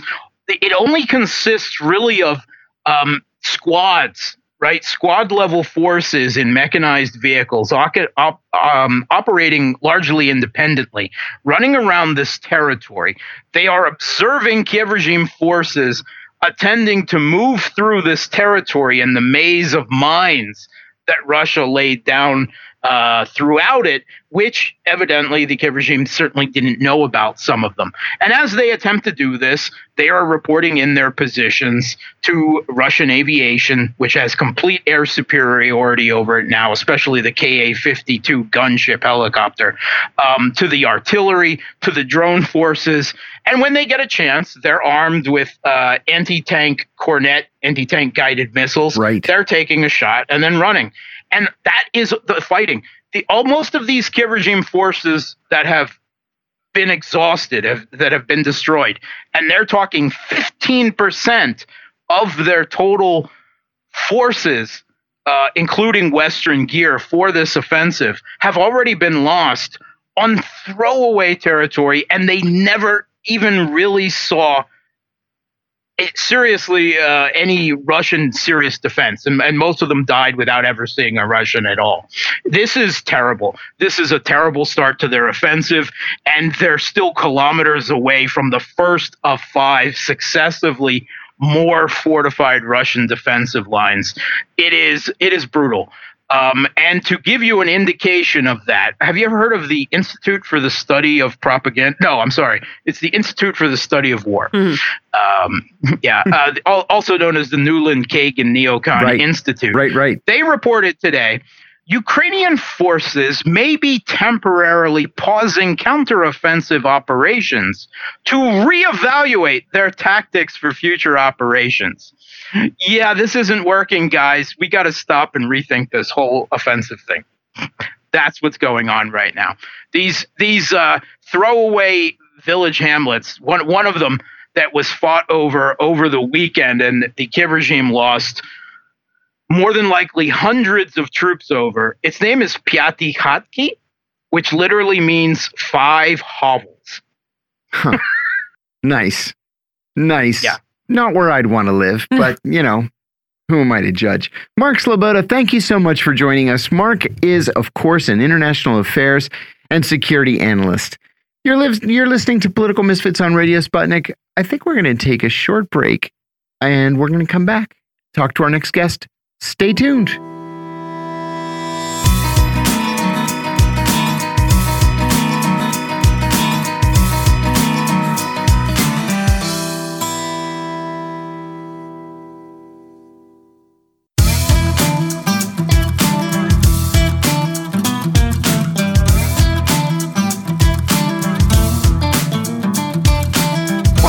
Political Misfits on Radio Sputnik, where we bring you news, politics, and culture without the red and blue treatment. I'm John Kiriakou, here with Michelle Witte. Five Palestinians were killed and seven Israeli soldiers were wounded in a clash in Jenin this morning. Haaretz reports that 91 Palestinians were injured in an IDF operation to target what they're calling terrorists in the refugee camp, and that this was the first operation since the start of the Second Intifada whereby Army helicopters opened fire on civilians during an operation to rescue troops. The IDF said that the clashes are ongoing. The Palestinian Ministry of Health says that 17 of the 91 injured Palestinians are in critical condition and that they include a 15 year old girl who was taking shelter in her home and a photojournalist covering the clash. Palestinian President Mahmoud Abbas criticized Western countries and especially the United States for their tepid response to the event, while Israeli Finance Minister Bezalel Smotrich, who has military command of the West Bank, tweeted provocatively, quote, "The time has come to replace the tweezer activity with a broad operation to eradicate terrorists' nests in northern Samaria and to restore deterrence and security in the region. The time has come to utilize air forces and armored forces." Unquote. Meanwhile, the United Nations High Commissioner for Human Rights, Volker Turk, said that he is, quote, extremely worried about the situation in Jenin, which appears to be an apparent execution by Israeli forces, unquote. The Associated Press also reports that Israeli forces appeared to deliberately attack ambulances transporting the wounded to local hospitals. That is a violation of international law. Meanwhile, President ben, uh, sorry, Prime Minister Benjamin Netanyahu said yesterday that he will move forward with his controversial plan to overhaul the country's judicial system. The announcement came after negotiations between the governing bloc and opposition parties fell apart. Netanyahu's plan to strip judges of most of their independence plunged the country into one of its worst domestic crises ever in March, with nationwide strikes that included police officers and members of the military. Critics say that Netanyahu's plan to do away with a system of checks and balances would put nearly all judicial authority in the hands of the prime minister. Miko Peled is a human rights activist and author of the books The General's Son, The Journey of an Israeli in Palestine, and Injustice, The Story of the Holy Land Foundation 5. Miko, welcome back. We're happy to have you. Good to be with you. Thank you. It's a pleasure, Miko. Let's begin with the big news from Jenin. This level of violence is not something that we see every day, certainly The IDF says that it was targeting specific terrorists, including the son of a Hamas leader. Okay, fine. But the number of innocent Palestinians wounded was enormous, and the IDF operatives had to be rescued by helicopter. So, what exactly happened here? It seems like we're just not getting the full story. Well, to begin with, I want to state very clearly that I and all people of conscience should be standing, uh, are standing with the people of Jenin today, supporting the brave people of Jenin who are standing and fighting valiantly and, and courageously against this monstrosity, which is the Israeli war machine. Uh, the, the people in Jenin have very limited resources. If they have a few rifles and, and, and a few caches of a little bit of ammunition, then that's that's what it is. I think the fact that they were able to disable some of the military vehicles and injure some of the soldiers is militarily a miracle because they have such limited resources, but they are brave and smart. Um, this is vengeance. I mean, the Israeli uh, military and the Israeli government have had long, uh, a long history with Jenin, particularly with the refugee camp. The refugee camp in Jenin is known to be uh, the people there are fighters, they're courageous, the resistance there is unyielding. And I think the international community uh, needs to stand by the people of Jenin, uh, and there needs to be sanctions put in place immediately to stop Israel's just brutality, uh, brutal attack against Jenin. And again, I, we have to we have to take a look at these brave people who are defending their city, uh, and really uh, uh, because they have they have nothing, they have very very very little resources. Um, and yes, like you said, for the first time since the Second Intifada, we see uh, people being shot from helicopters. And the thing is, man to man, soldier to soldier, person, you know, the, the Palestinians are much braver, much better fighters, even though they don't have the equipment or the money or the, even the food that the Israeli soldiers do. So that's why Israel has to resort to, you know, artillery and has to resort to, um, you know, even using the Air Force. Um, Bezalel Smotrich has been demanding, and you know Netanyahu's kind of right flank has been demanding a massive assault on the northern West Bank for a very long time, as part of their, you know, demand as part of the, a condition to staying in the coalition, as well as this uh, so-called judicial reform. So he's giving them everything they want because this is his, you know, otherwise he won't be prime minister, and ideologically he agrees with with these demands anyway. So we're seeing these bloodbaths, and the problem is that the entire world is standing still as Israel as Israel is allowed to to conduct this this brutal you know brutal killing. And we saw the targeting, like you said, the targeting of journalists. We know that as a practice, Israel targets journalists. They yes. assassinated uh, Shireen Abu Akleh. They target ambulances. They don't allow the ambulances to come in and take care of the injured. So these brave fighters the people of Jenin are putting themselves on the line. They don't have the vests, the equipment, they don't the, the helmets, the the, the the the weapons, not not to say the medical equipment in case there's an injury to take care, you know, to, to take care of or to participate in a battle like you know like like Israeli soldiers do. Israeli soldier, you know.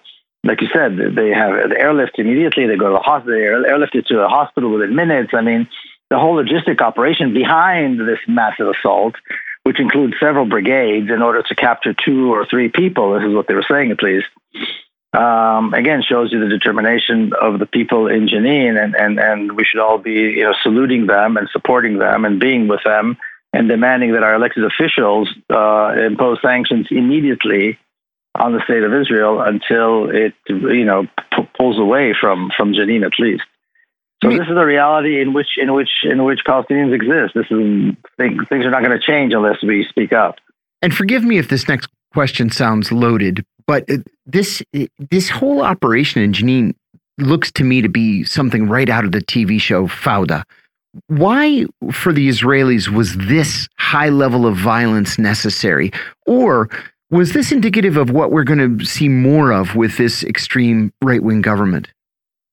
I think there's two issues here. One is the fact that Israel has, in order to come in to Jenin or Nablus, for that matter, um, and, and, and arrest somebody, Israel has to bring in, you know, two, three brigades of, of special forces and, you know, have the, the this whole logistic, huge logistical back, back you know, um, uh, supports in the background uh, in order to capture a handful of guys with machine with a few machine guns and a handful of bullets there's no way they can do it otherwise because, like I said, person to person, fighter to fighter, the Palestinians are far superior.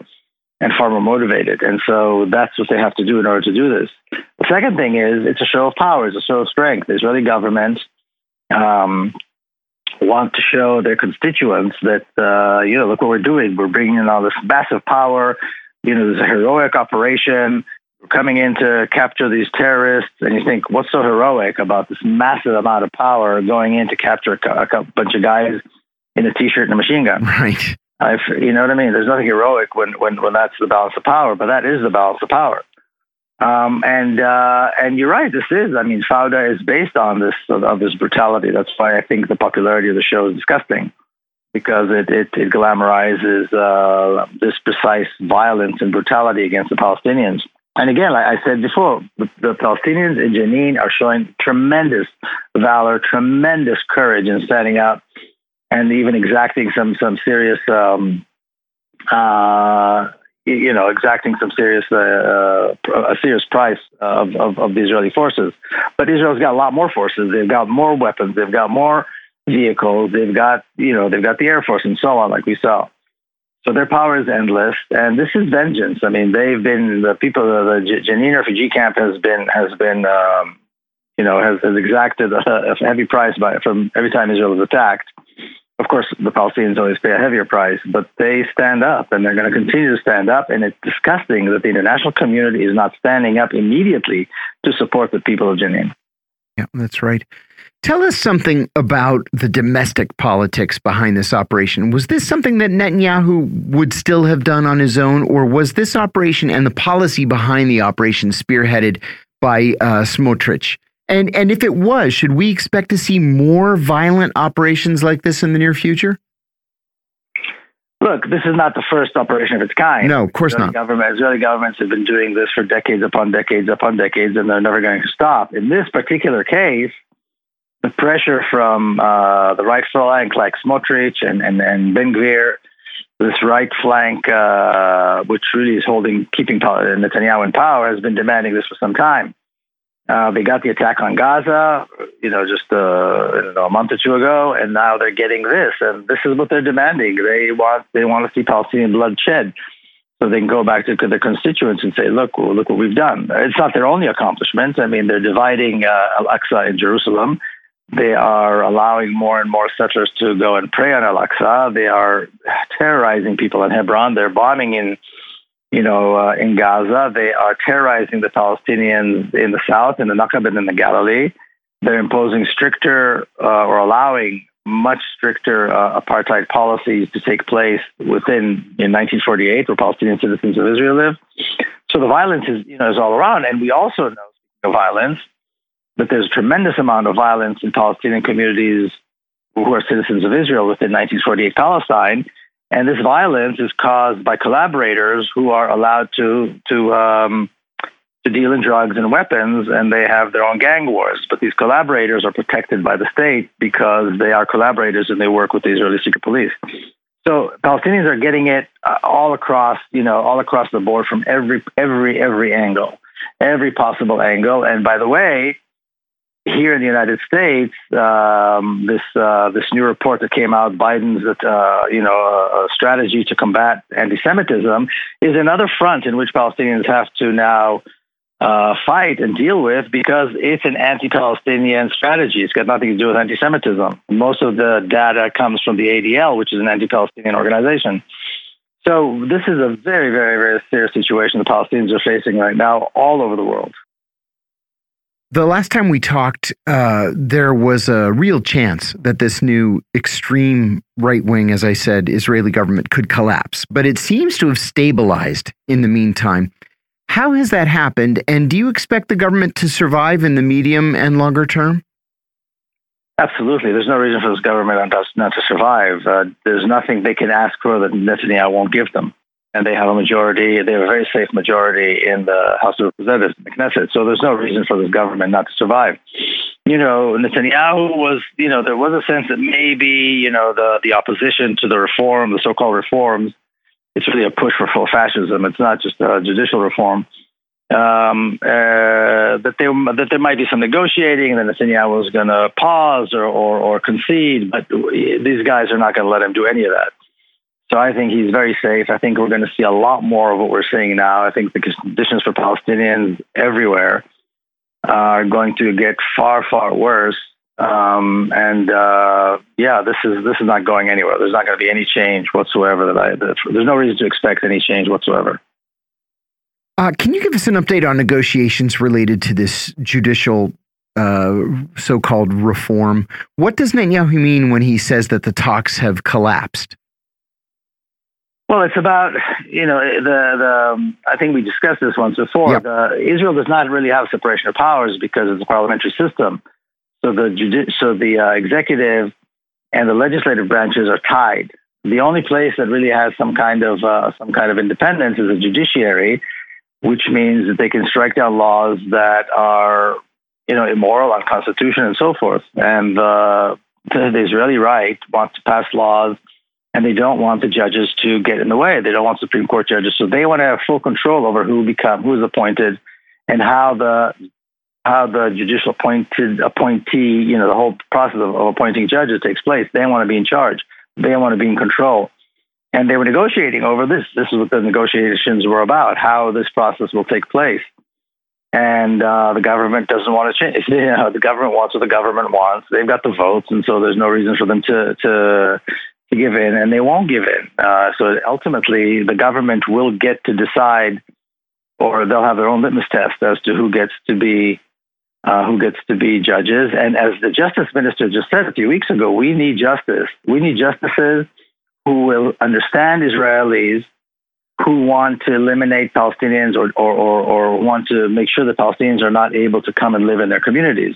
We need just judges that will understand the Israelis who are escaping from areas like the Galilee and so on because the Palestinians are all over the place. And so we need judges that will be sympathetic to that form of racism. And that's what this is all about. Miko, we saw the civil uprising in, in March over this judicial reform plan. It's not reform, of course, this is what they call it. It's a takeover. Uh, so if the plan is still to take over the judiciary, should we expect to see that unrest uh, again? And do you expect the idea eventually to become law? It will become law. There's no reason for it not to become law. I mean, there are a few dissenters within the coalition. There are a few dissenters within the Israeli government. Uh, the Minister of Defense uh, opposed it, and so on. But Netanyahu has a way. He always gets his way. He's a master at this. Everybody else are like, you know, little, children, little school children running around. Um, and so he's going to get what he wants. So this will become law, and the other side will either, you know, get tired and stop going out, or they'll continue to protest because it's something to do on a Saturday but I, I don't think there's they don't have the other side does not have the votes. The other side does not have the majority.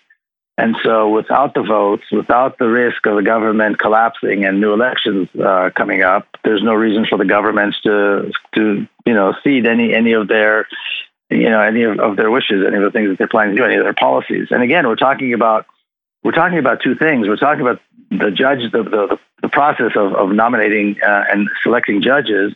We're also talking about policy talking about some horrific, horrific racist policy and the grabbing of authority by key ministers like Ben Gvir, who was a security, national security minister, who has imposed um, horrific, uh, draconian uh, policies against political prisoners, Palestinian prisoners, against Palestinians in 1948, and and so on and so forth. So it's, it's just a, like you said, it's a takeover. It's not it's not just a reform.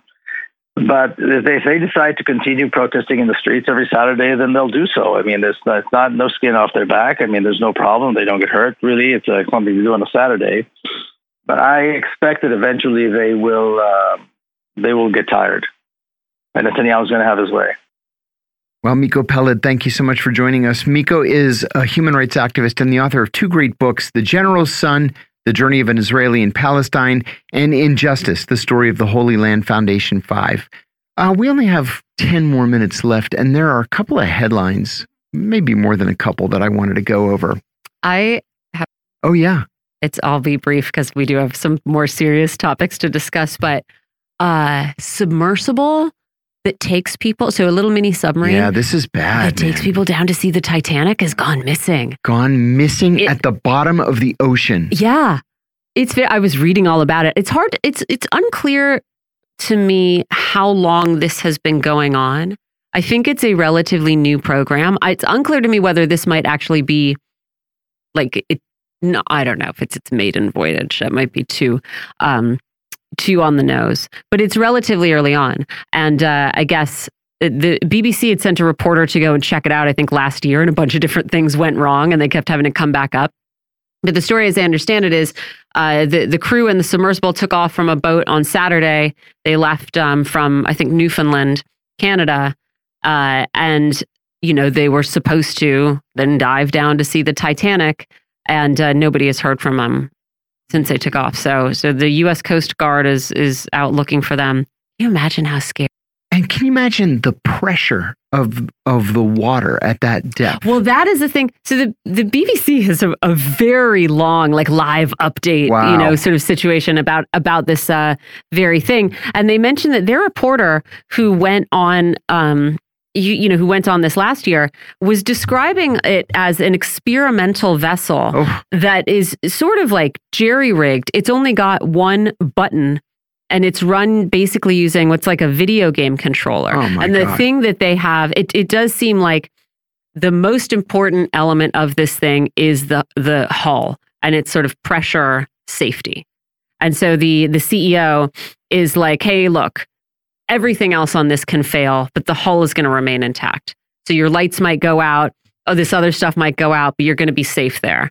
Can you imagine being in a, a tiny little submarine and the lights go out and you're just sitting down at the bottom of the ocean? anyway, I can't even imagine. horrifying. A couple of things I wanted to raise. Um, this one was fascinating to me. Uh, uh, linguists have identified a new English dialect that has begun emerging in I read South through that. Florida. It's really funny. It's based on, I, well, I thought, well, as soon as I saw it, I was Yeah. like, oh, this is from Spanish. It has to. this Yeah, is like people using, that was my immediate thought too. they're using the direct construct. translations from Yes. Spanish Yes. instead of the, what, you know, like it's versus like get out versus get down right. to, uh, to make versus to have, right. you know, kind of thing. So yeah. we got down from the car and went inside. Mhm, I made the line to pay for groceries. mhm, He made a party to celebrate his son's birthday. mhm. Um, and then they go through this fascinating sort of history of how this kind of thing happens. It's fun. It is. It's fun. Yeah, I it's enjoyed fun. I enjoyed it. There was something else too I wanted to uh, bring up. Well, t- there was a minor point. Um, Talk to us about Daniel Ellsberg. yeah, Daniel Ellsberg uh, passed away on Friday at the age of 92. Dan, of course, is the godfather of national security whistleblowers. He was the Rand Corporation analyst who revealed in 1970 that the American government was lying to us about the Vietnam War. And he did that by photocopying thousands of pages of classified documents and providing them to the New York Times and the Washington Post. Now, what most Americans forget, or what the Washington Post and the New York Times want you to forget, is when he first sent these tranches of documents, neither outlet would publish them. And so he engaged with Senator Mike Gravel, who was a liberal Democrat from, crazy enough, Alaska. And Gravel uh, read from the documents on the floor of the Senate. He had congressional immunity Mhm. because it was it was congressional business, and then he submitted the documents into the official congressional record. Nobody has the guts to do something like that today. Mhm. Mike Gravel was a, a giant hero in my view. He he died about a year ago. Um, Dan continued his activism throughout the rest of his life. And um, two years ago, at the age of 90, he released top secret nuclear information on purpose and demanded that the Justice Department arrest him and charge him with espionage so that he could challenge the Espionage Act in court as being unconstitutionally broad and vague. And they didn't have the guts to arrest him. So it's out there. But, you know, without Dan Ellsberg, there wouldn't have been a Tom Drake, an Ed Snowden, a Chelsea Manning, even a John Kiriakou. Dan Ellsberg was a hero in our house when I was growing up. And I told him this a hundred times. He he had such an impact on my life and on the lives of of my friends and other whistleblowers as to be one of the three or four most important people that I've ever known in terms of having had an influence on And it must be important. You know, there is a tendency to say the people who did this thing in the past are heroes, but the people people who are doing it now are demons. Yeah. right? And I feel like it's got to be incredibly important to have one of these people who's now revered, right? Saying, no, no, you know, despite what they're saying, we we're alike, right? We're Yes. we're do, creatures of the same ilk. We're doing the same thing Yes. because we see this over and over, right? That's uh, right. You know, we do. you're in the moment. You're difficult. Yep. Couple, and then later on, there's this Oh. reevaluation Mhm. of what you did, and then all of a sudden you're a big hero. yeah, but to go through the uh, long period of time in which you're a you're a villain. Uh, and you're being smeared is uh, it Uh, got to be really what, hard, and it shows Henry a lot of. Kissinger called him the most dangerous man in America in 1971. a compliment. He was charged with with so many counts of espionage that it, it totaled up to 150 years in prison. And the only reason why he never went to prison was because President Nixon ordered his plumbers uh, to break into Dan's psychiatrist's office and steal his medical records. And they got caught. Uh, you know, I. He told me once, I asked him how many times he had been arrested, and he said 87 and that his goal was to be arrested once for every year of his life. And every one of those arrests was for activism. You know, chaining himself to a fence at a nuclear power plant, cutting a fence and sneaking onto the grounds of a military base that had nuclear submarines. The guy was just legendary. Legendary. Um, I, I happened to speak to Bob Kennedy over the weekend about Dan, and uh, Bob's going to give the give the uh, eulogy. the eulogy. Thank you. The Oh. eulogy at his funeral. Uh, Dan wasn't religious in any way. He was he was an avowed atheist. So there's not going to be like a service or anything per se. Uh, it's going to be very quick and private. But Bob's going to give the uh, the eulogy, which is Yeah, yeah. I have a lot of I was glad gratitude for know. people like that. It's yeah, hard. me It's- too. Me too.